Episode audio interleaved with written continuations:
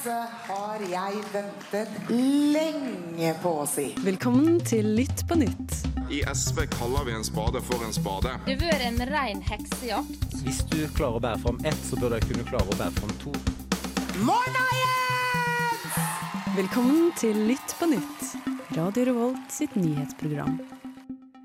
Hei, hei, du hører på Lytt på nytt. Dette, denne uka her har vært en eh, uke hvor det har skjedd utrolig mye. Eh, som vanlig så har vi ikke mulighet til å snakke om alt. Eh, men vi skal i hvert fall snakke litt om fredsprisvinneren. Vi skal snakke om Tyrkia sin invasjon av Syria. Vi skal snakke litt om feminisme her på hjemmebane, og så skal vi gå gjennom ukas Trondheim by og kommentarfeltsaken. Men først så må vi høre hvordan stemningen er i studio. Hvordan går det med dere? Det går helt relativt OK. OK. jeg har levert eksamen, så det er jeg fornøyd med. Skal rett på en semesteroppgave og en tilleggseksamen. Og så var jeg på Pen gutt på lørdag, så det var oppturen denne uka. Å, var det gøy? Det var skikkelig gøy. Det var så stemning, og alle var der. Det var Skertnes eller noe sånn reklame. Nei da, ikke reklame, men det var veldig bra. Jo, eh, å, jeg har egentlig hatt en veldig fin uke. Eh, sett bort ifra at jeg satt med en semesteroppgave til Var det halv fire på mandag? Ja, det var der. Vi har alle vært der. Eh, Men jeg har vært hjemme siden sist. Jeg var jo borte forrige uke, for jeg hadde meg en liten eh, høstferie til Bergen. Og så har jeg vært på Juntafil med deg, Oda. Det var kjempegøy. Det var kjempemorsomt. Ja, det var kjempe, det var så gøy. Og så har jeg vært på konsert med 1975. Eller mest Motherfucker. Det var egentlig det jeg kom på å se. og i dag skal vi gå Oda faktisk på en konsert til. Det blir gøy. Yes, jeg gleder meg. Mm. Hvilken da? Eh, vi skal på Emir og Kamelen. Det, vi savner Bergen så masse Ja, at vi må gå på og støtte Bergens artister når de kommer til Trondheim. Det er viktig. Men eh, ellers så har jeg levert min første semesteroppgave noensinne, så det var ganske spennende. Jeg var litt bedre på å disponere tid enn Guro, så jeg leverte den på si. kvelden. Den kvelden Guro satt eh, og eh, skrev for harde livet, da hadde jeg allerede levert. Ja. Mm. Så jeg er veldig fornøyd med det, da. Ja, så bra. Ja, jeg har kommet der i semesteret at jeg begynner å liksom komme litt inn i ting, så jeg begynner å skjønne hva, hva det går i. Jeg tar datateknologi, så det er jo litt vanskelig. Men jeg begynner å skjønne mattefagene litt og få litt mestringsfølelse, så det, det er gøy. Det er bra. Ja. Ja. Er det bare meg, eller alle som går som datateknologi og sånn på glø, skal alltid nevne det? Name-droppe faget sitt? I hver samtale. Ja, jeg tar matte. Ja, ja, matte. datateknologi, hva tar du? Å ja, så slå Mm, mm, ja. Ja, det er viktig å skryte litt av sosiologien òg. Ja, ja, ja. Veldig. Ja, nei, da skal vi høre en låt før vi går over til programmet. Da skal vi høre på Soft Chord United med Går i blinde. Hei, hei. Du hører på Lytt på nytt her på Radio Revolt. Og nå skal vi inn på den første saken vi har tenkt å snakke om denne uken. Og det er nemlig fredsprisen. Eh, Nobels fredspris, som da ble bestemt vinner på denne uken. Vinneren eh, i år heter Abiy Ahmed. Og han har da vunnet fordi han har gjort eh, fredsbringende arbeid i Etiopia, og egentlig hele Afrika. Fordi han ble valgt som Han har vært eh, statsminister i Etiopia det siste ett og et halvt året. Og han har gjort veldig mye på den tiden sin som statsminister, da. Men det er vel først og fremst i Etiopia og Eritrea at han har eh, gjort eh, fredsbringende handlinger, da. Ja, han, det, det, det er vel inngått en fredsavtale, og det har vært veldig mye konflikt mellom Etiopia og Eritrea tidligere. Så det, altså, hovedgrunnen for at han får fredsprisen, er jo fordi han da på en måte har klart å fikse, eller ikke fikse, men gjøre en konflikt som har vært veldig stor, eh, mindre, på en måte. Det var jo eh, ikke heller et eh, overraskelse at det ble han. Eh, det var egentlig snakk om at det var, egentlig kom til å bli enten han eller Greta Thunberg som fikk fredsprisen i år. Men nå ble det jo han, da. Som eh, er ganske kult. Ja, jeg syns det er veldig bra. I Ja. hvert fall sånn, for det kan skape et sånn samtale da, på det afrikanske kontinent om hvordan man skal styre. For Mm. det er jo ikke alltid bra ut ifra I hvert fall i Nord-Afrika Ja. så er det jo ikke alltid bra, og da er det veldig fint at jeg kan skape en Ja, ja, ja. samtale om hvordan vi skal endre den statlige styringa. Ja, han har jo lovet at han skal fra nå av at det skal være ordentlige demokratiske valg i Etiopia. Det har jo ikke skjedd eh, ennå, fordi det er ikke valg før om et år, tror jeg det. Eller noe Men, sånt. men vil da si at han ikke er demokratisk valgt, egentlig, da? Siden eh, de, de ikke har hatt demokratisk valg i Etiopia ennå? Eller Ja, er det feil tror å si? jo, jeg tror det er riktig at han er ikke demokratisk valgt. Det er jo Ja. ganske interessant da at en eh, ikke-demokratisk valgt leder har fått eh, fredsprisen. Men da er det jo spørsmål Oi, hva ja, slags. Men hva slags form for demokrati snakker vi om, da? Ja, ja. Ikke sant? Ja, For det, det- fin, ja. det er veldig fokus på i Afrika. Så snakker vi om vestlig demokrati som vi mener best, eller afrikansk demokrati som fungerer på en annen måte. At alt trenger ikke å være det vestlige perspektivet. Ja, Mm. meg og Guro går jo statsvitenskap, så vi vet alt om at det er mange måter å se Ja. på demokrati på. Snakk, hva for en definisjons... eh, Men han har jo gjort det veldig Altså, det er ikke bare dette her han har gjort. I løpet av de første 100 dragene så klarte han å eh, Han avviklet unntakstilstanden i landet, og han har bring, prøvd å bringe flere kvinner inn i politikken og jobbe og sånt. Og altså, han har Han har gjort ganske mye da i Etiopia eh, for å gjøre det til et bedre land. Ja, og det er jo kjempebra. Og Ja, det ja. jeg håper, da, nå som faktisk han fikk denne fredsprisen, er jo at nå kommer mer afrikanske nyheter, da. I liksom vestlige nyhetsmedier. For det har vært et problem ofte, at du hører ikke om ting før ganske lenge etterpå. Du kunne se det i Tanzania, du kunne se det i Nigeria. At du ser det ofte at det tar ganske lang tid før veldig mange plukker det opp. Og da skriver f.eks. vi i Norge om det, eller vi i. USA, USA om det. Ja, jeg hadde ikke hørt veldig mye om denne her eh, statslederen før faktisk han fikk fredsprisen. Er Eh, eller, eller hva han har gjort for Etiopia. Og det er jo veldig viktig sånn i forhold til altså, verden, da. Altså, vi er jo et globalisert samfunn. At på en måte at ikke vi får høre om dette når dette er et så svært kontinent. Ja. Og alt det han har gjort. Og så hører vi om det når han skal bli nominert.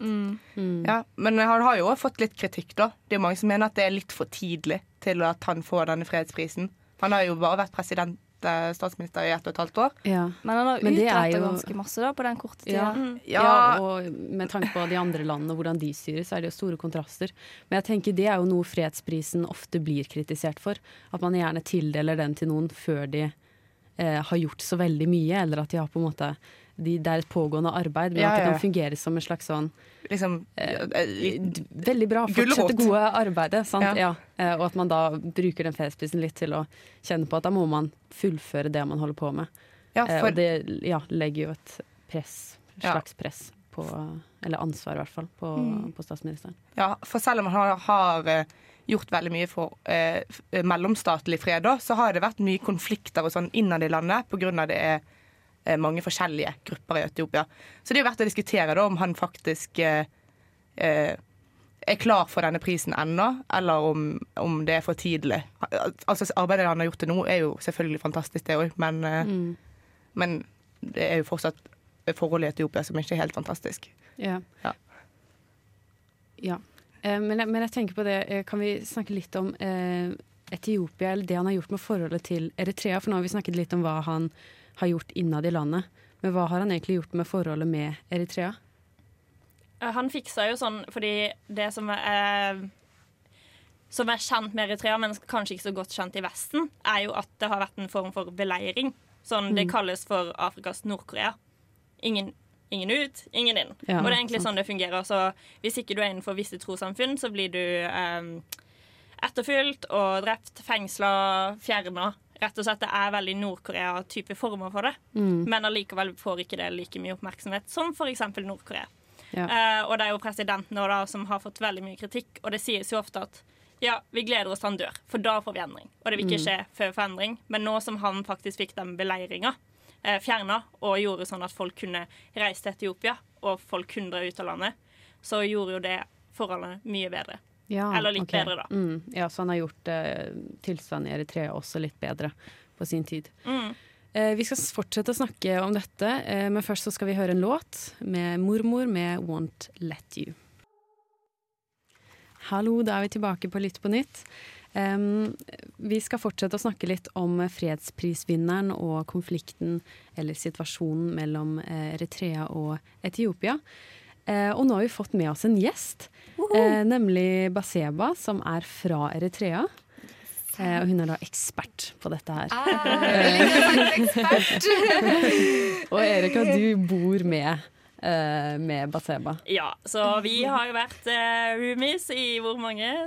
Tre måneder? Fire? Ja, vi har jo sånn uoffisielt vært roomies kjempelenge, for vi har bodd ja, Vi Jeg henger veldig mye sammen. Jeg, jeg sover der hele tida.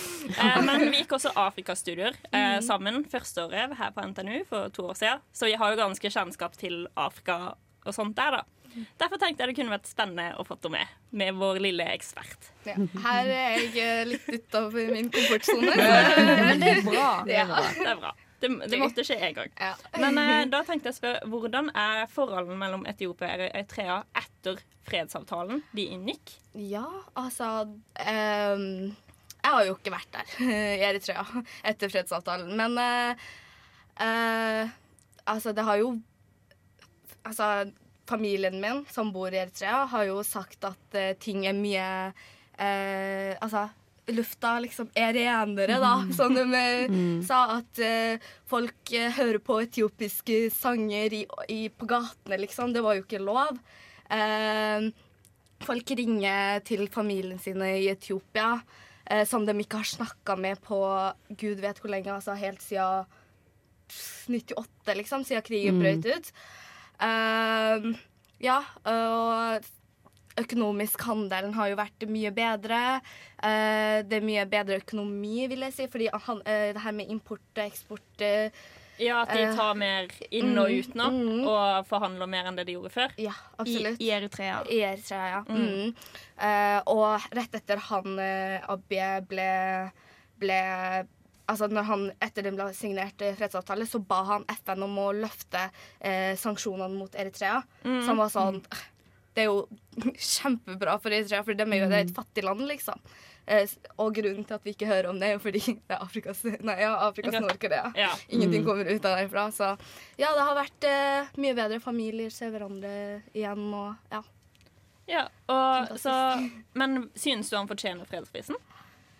Ja, jeg, jeg syns det. Altså sånn som en Altså, jeg tror det her med eh, hele greia med fredsavtalen og sånt er, har mye mer påvirkning på liksom Ikke min generasjon, men eh, mamma og pappa sin generasjon, som var til stede når krigen brøt ut, som liksom ble skilt fra familien sin og sånt. Så dem er jo sånn Ja, superfornøyd eh, for det arbeidet han har gjort og sånt. Og jeg tror faktisk dem helt ærlig er sånn Ja, ja han fortjener fredsprisen. Det er liksom Ja. Ja, for Eh, når du forteller om uh, hvor bra det har blitt, så Ja. føler jeg at jeg òg blir Ja, sånn ja. Han fortjener selvfølgelig fredsprisen. Mm. Så han fortjener Ja, jeg vil si at han fortjener det. Mm. Ja, Absolutt. og så har jeg et siste spørsmål. da Og Tror du at forholdene vil bli enda bedre i Eritrea? For du har jo sett at det begynner å komme litt forbedringer, Mm. men det er jo ikke de optimale forbedringene. Sånn etterfølgelse, da. Hvis du er en Mm. annen religion, journalistikk, da, det er jo, gans, det er jo no go, Veldig liksom. lukket, ja. Mm. Ja, det er jo stat, eh, stat eh, kontrollert. Altså eh, mediene er jo statskontrollert. Men eh, ja, altså jeg håper jo selvfølgelig at forholdet i Eritrea blir bedre, og at eh, Etiopia og AB ble, liksom påvirker Eritrea på en bra måte. At på en måte Eritrea liksom ser bort i nabolandet og bare sånn Ja, sånn her vil vi òg være. Fordi Etiopia og Eritrea er jo veldig like. Altså, vi har veldig lik kultur. Kanskje ikke språk, men ja, vi er like på veldig eh, mange måter.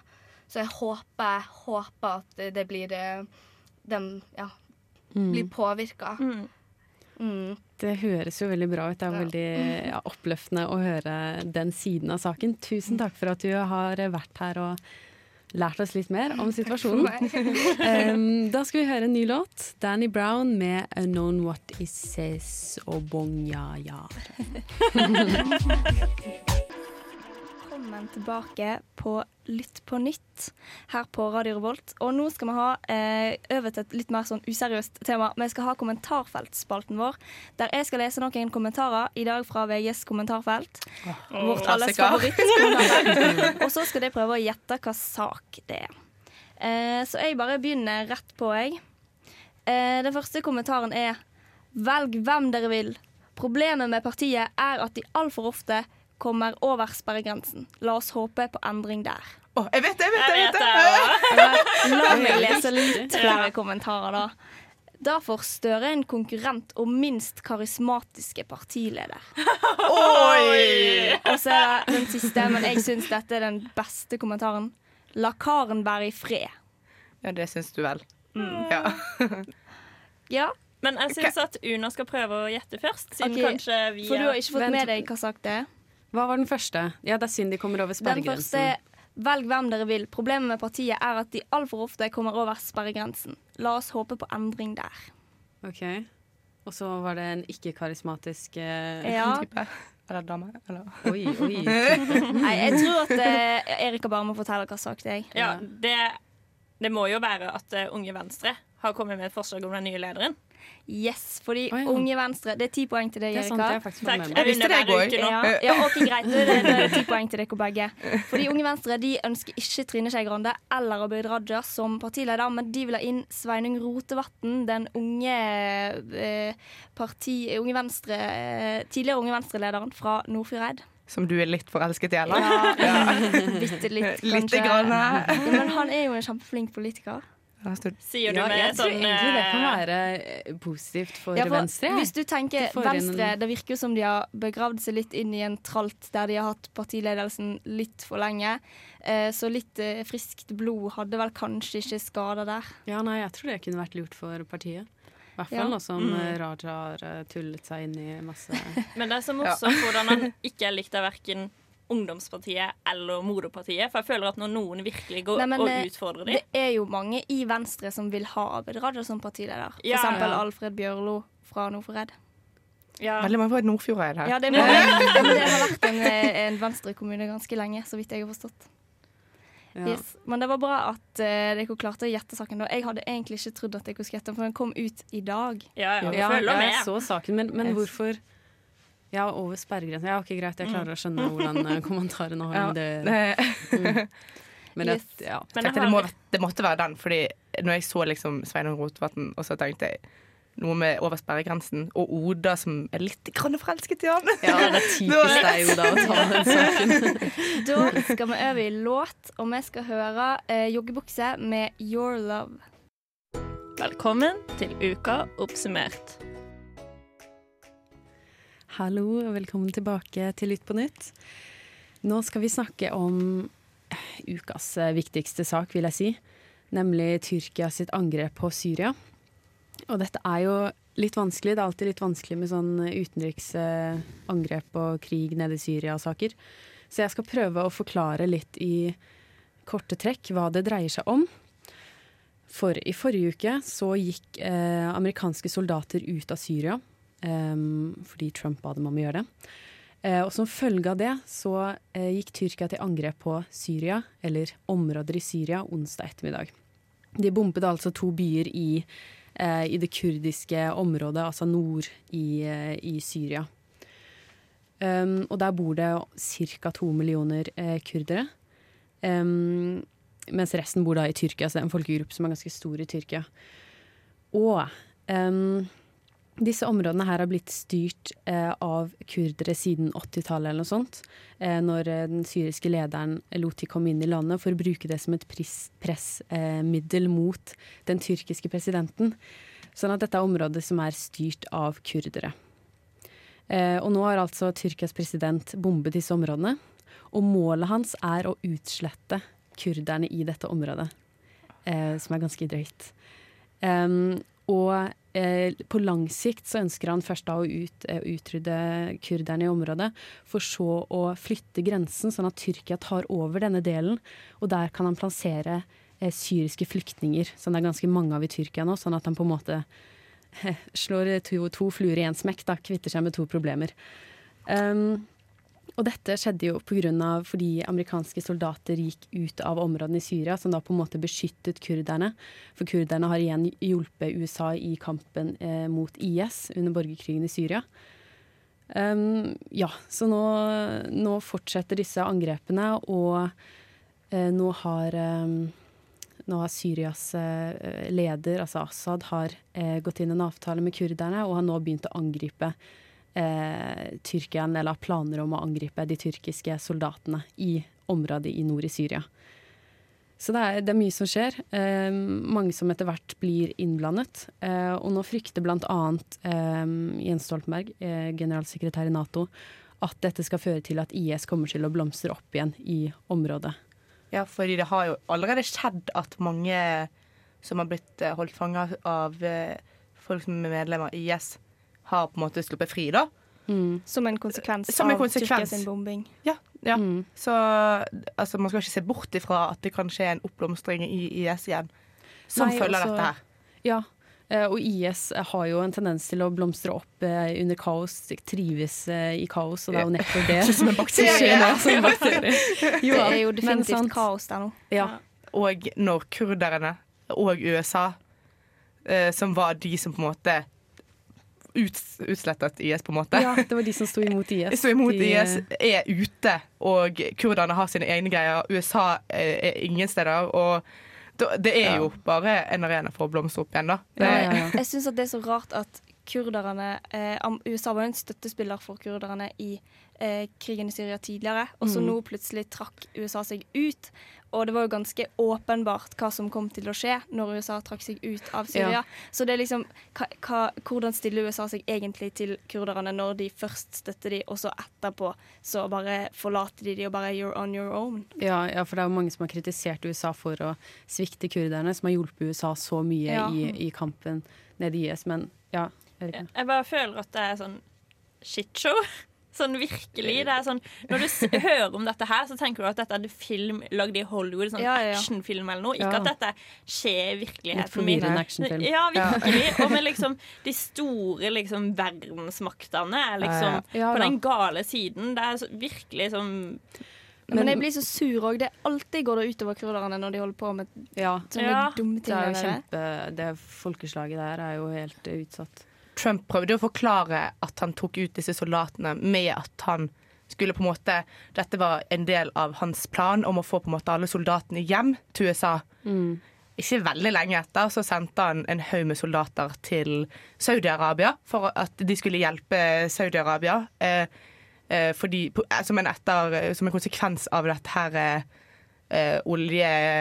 Eh, bombegreiene som eh, vi så for et par uker siden. Ja, ja, ja så det er jo ikke Så det, det, altså, hvis det ikke hjemlandet er Saudi-Arabia, så er ikke det en plan for å få soldatene hjem. Så ja, nei, Det handler jo bare om at eh, USA ikke lenger har interesse av å ha soldater i Syria. Eh, og det er jo på en måte fair enough, det, på én måte. De Ja, har på en måte men- gjort det de skulle gjøre der nede, fått hjelp av kurderne, og så Ja, for å utrydde IS, men, men eh, nå eh, Ja, for kommer det er jo det tilbake. som er så paradoksalt. Ja, jeg og dette er jo så forutsigbart òg. Ja. Det, det er jo Trump skjønner du ikke! skjønner Når fire er studenter fra Trondheim skjønner det, så Ja. burde Donald Trump har skjønt det. Ja. Og så tenker jeg i hvert fall da, Hvis du ser på holocaust da, under andre verdenskrig, hvor faktisk de store maktene sto imot dette utrydning av et folkeslag, liksom. Ja. Det er jo så holocaust-vibes som du får det til. Og så driver faktisk USA og støtter dette her, sånn ikke direkte, men indirekte, med å ta de ut derfra. Ja, han Altså- sier jo sånn Og det er litt trist at eh, Tyrkia går til angrep. Jeg syns ikke Erdogan er skikkelig kul akkurat nå, men det er jo ikke noe sånn at han gjør noe med det. Nei, men Nei, hva tror man kommer til å skje? Han har sagt det at han skal liksom økonomisk eh, prøve å eh, straffe Tyrkia igjen, da, men det blir jo så tullete når ja, det er han Ja, som er grunnen til at det skjer. Jeg merker at alle Så- fire blir veldig provosert. Ja, jeg tror vi må gå videre i programmet. ok, Da tror jeg vi skal høre på en låt. Nå joggebukse med Your Love. Hei og velkommen til Lytt på nytt på Radio Revolt. Eh, og nå er det sånn at Plan Norge har eh, hatt en jentepris, eller hatt nominasjoner til jenteprisen sin. Og denne prisen går egentlig på de som har bidratt til å skape et bedre sted for jenter her i verden, rett og slett. Eh, men det har vært mye blest rundt dette her, fordi Kari Jakkesen har jo blitt nominert. Og for dere som vet hvem hun er, så har hun vært en, eh, på God morgen Norge og drevet med fitness. Aerobic. Aerobic, For å være helt presis. for å være helt presis. Oda, du har sett på dette mye. Kjempe... Nei, jeg har faktisk aldri sett det, for å være helt ærlig. Men det er jo ikke sånn at hun er kjent for hos sin aerobic eh, i dag. I dag er hun kjent for sine krasse kommentarer, be unge Venstre-medlemmer suge pikk, eh, ti pikker om dagen og se hvordan det føles i forhold til brodell. Eh, og i tillegg så har hun sagt eh, anklaga en transseksuell i Pride for grooming.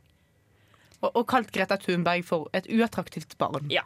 Eh, Hun har sagt mange spesielle ting. Skikkelig sjarmerende dame. ja. Ja, det er hun er et feminist icon, hvis det virkelig Men altså, hun har altså blitt nominert til denne Ja. prisen. Og det er jo flere som også er nominert til denne prisen. Og 70 personer er nominert. Ja.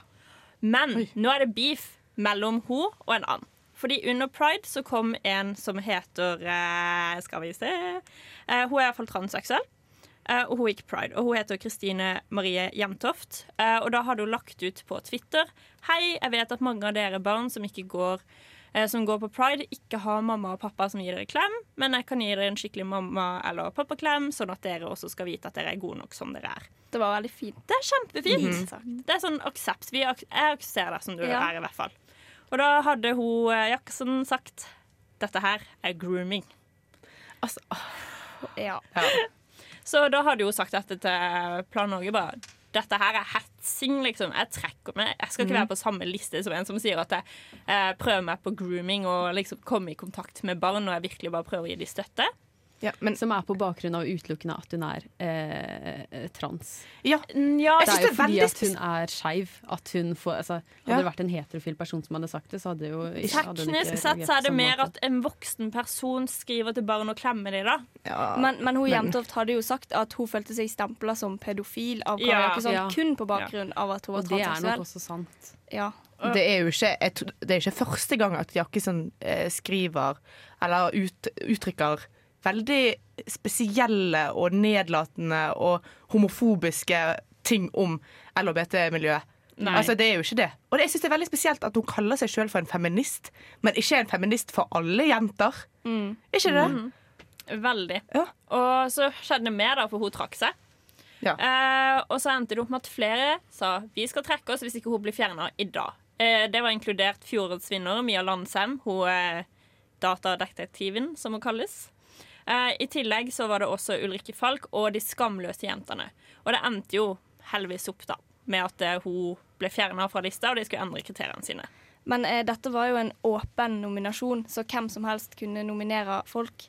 Eh, og Kari Jakkesson var vel nominert pga. sitt fokus på trening og et positivt kroppsideal eh, og syn på kropp.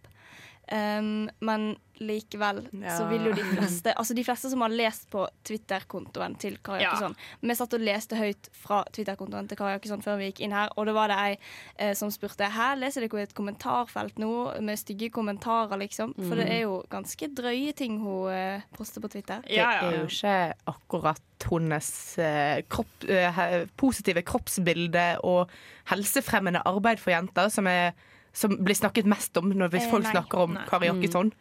Og så gir man jo en pris til et menneske, ikke bare til en del av et menneske. For selv om Ja. en da kanskje fremmer et positivt eh, kroppsbilde og godt eh, fokus på, på trening, så er det likevel en del av henne som ja, ikke er feministisk, helt tydelig. Ja, ja. Så det er, ja. Og jeg har lyst til egentlig litt å kritisere Plan Norge, for ja, alle kunne nominere folk, men det er litt rart at de har så lite kontroll på det, da. Altså, denne personen har hetsa en annen nominert. Det er liksom Men de har vel gått ut og sagt at de skal ha strengere krav til å nominere folk. Jo, men er det Altså, ikke ja. nesten litt for sent at det har gått så langt, da, tenker jeg? Ja, men jeg tror det var noe spesielt med i år, fordi at denne prisen fikk mye eh, oppmerksomhet i fjor, så den, er veldig mange, de har fordobla antallet nominerte i år enn de hadde i fjor.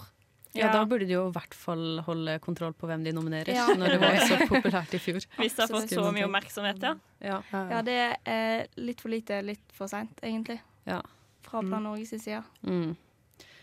Da skal vi høre en låt. Lars Vaular med 'Våre nærmeste'. Du hører fremdeles på Lytt på nytt. Nå begynner vi å nærme oss eh, sendingens eh, slutt. Eh, Men først så må vi høre litt hva vi skal etter, etter dette. Har vi noen tips til lytterne? Jeg har, jeg har et veldig bra et. Okay. Ok. Fordi halloween. Det er egentlig lenge til, men det er ikke lenge til. For du må planlegge kostyme, ikke sant? Ja, og det er sånn, det sliter du med for alle. er Sånn, OK, hva ligner jeg på? Hva kan jeg gjøre? Og I hvert fall med studentbudsjett så sliter du litt med å finne gode kostymer. Ja, og du har lyst til å være morsom, liksom. Du har ikke lyst til å være en katt. Jeg pleier å gå for enten djevel eller ta på meg blomster. Kjedelig! Blomster jeg kan, så kall meg for en blomst. Det, det Så det her er egentlig veldig kjedelig, så du må ha noe som er gøy. Noe som er sånn skikkelig for liksom, hvor, hva slags samfunn vi lever i da, men fortsatt skummelt. Oi. Så Så man skal både gjøre et politisk statement, Ja! og man skal se kul ut. Livet er et politisk Jeg skal statement. Det er ideen min. Du kler deg som Kari Jakkesen. Oi. OK, det er gøy. Ja. Så du kan enten gå liksom back in the days, Aerobics. Aerobics. Ja, eh, ja, full aerobics. eh, outfit. eller så kan du bare kjøre, ta sånn sugerør i håret og tørke det over natta, for da får du sånn helt syke krøller. Og så kan du skrive på T-skjorta di Prøv å suge ti pikk om dagen. Men eh, aerobic-outfit er jo lett. Bare ta både strømpebuksa, litt sånn her leggvarmere og så eh, badedrakt utapå. Ja, Hvem har leggvarmere? litt sånn 80-talls uh, Du kan fikse deg noen leggvarmere. Du finner det billig på Fretex. Oh, ja, okay. Så det er min idé. Ja, Vi kan kanskje alle gå som Jakkesson-trioen, eller firoen. Jakke sånn firhjuling. Skåden, Jakkesen-skåden. Der har vi det på halloween. Åh, godt tips. Eh, Guro, har du noen tips? Eh, altså, gå på ting under uka. Jeg har vært på Ja. noen greier denne, de siste ukene, og det er kjempegøy. Hvis du er bergenser og har hjemlengsel, drar på Emir og Kamel i kveld. Veldig bra Bli med tips. oss. Godt Bli med tips. oss. Godt tips. Da takker vi for at du hørte på sendingen vår i dag. Vi har hatt det veldig gøy, og vi håper du også har hatt det gøy. Så snakkes vi neste uke. Ha det bra.